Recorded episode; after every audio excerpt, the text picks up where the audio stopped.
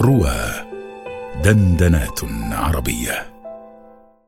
مسرحية محمد لتوفيق الحكيم هي في تقديري واحدة من أهم سبعة كتب عن سيرة الرسول الكريم في أدبنا الحديث.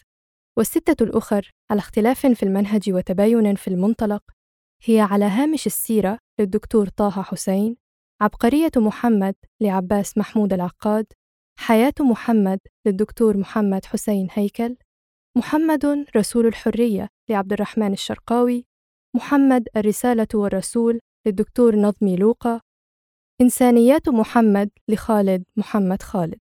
تختلف مسرحية الحكيم عن هذه الأعمال في أنها أول عمل يعمد إلى صب السيرة النبوية في قالب حواري يشفى على الشكل المسرحي وإن لم يدركه تماماً وذلك إذ يصوغها في ثلاثة فصول وأربعة وستين منظراً.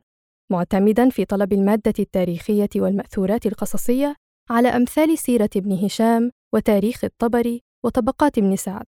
هذه المسرحية قد أصبحت الآن أو أصبح طرف منها في متناول القارئ الغربي، إذ ترجم ويليام راء بولك المنظر السابع من فصلها الأخير في العدد الخامس عشر عام 1967 من مجلة اتجاهات جديدة New Directions الأمريكية وقدم له بكلمة عن المسرح العربي الحديث وأثر التراث الإسلامي عليه.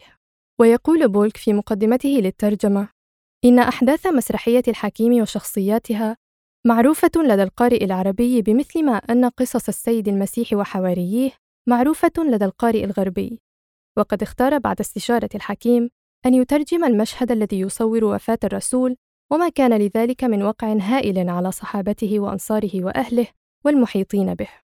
كان موقفا على اختلاف ردود الفعل إزاءه حافلا بالإمكانات الدرامية وقطعة حية من التاريخ التقت عندها أسباب التصديق والإنكار والذهول وغواشي الحزن وجلد الإيمان.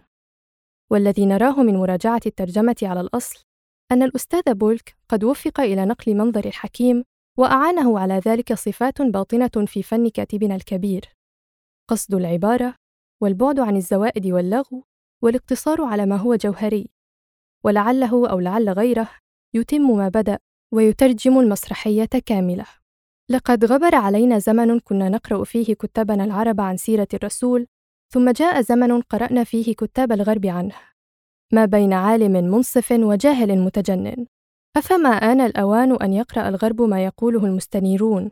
من كتابنا المحدثين عن محمد الرسول الكريم الحق أني لا أعرف أصلح من الحكيم وممن ذكرتهم في صدر هذه الكلمة للنهوض بهذه الرسالة وأداء تلك الأمانة.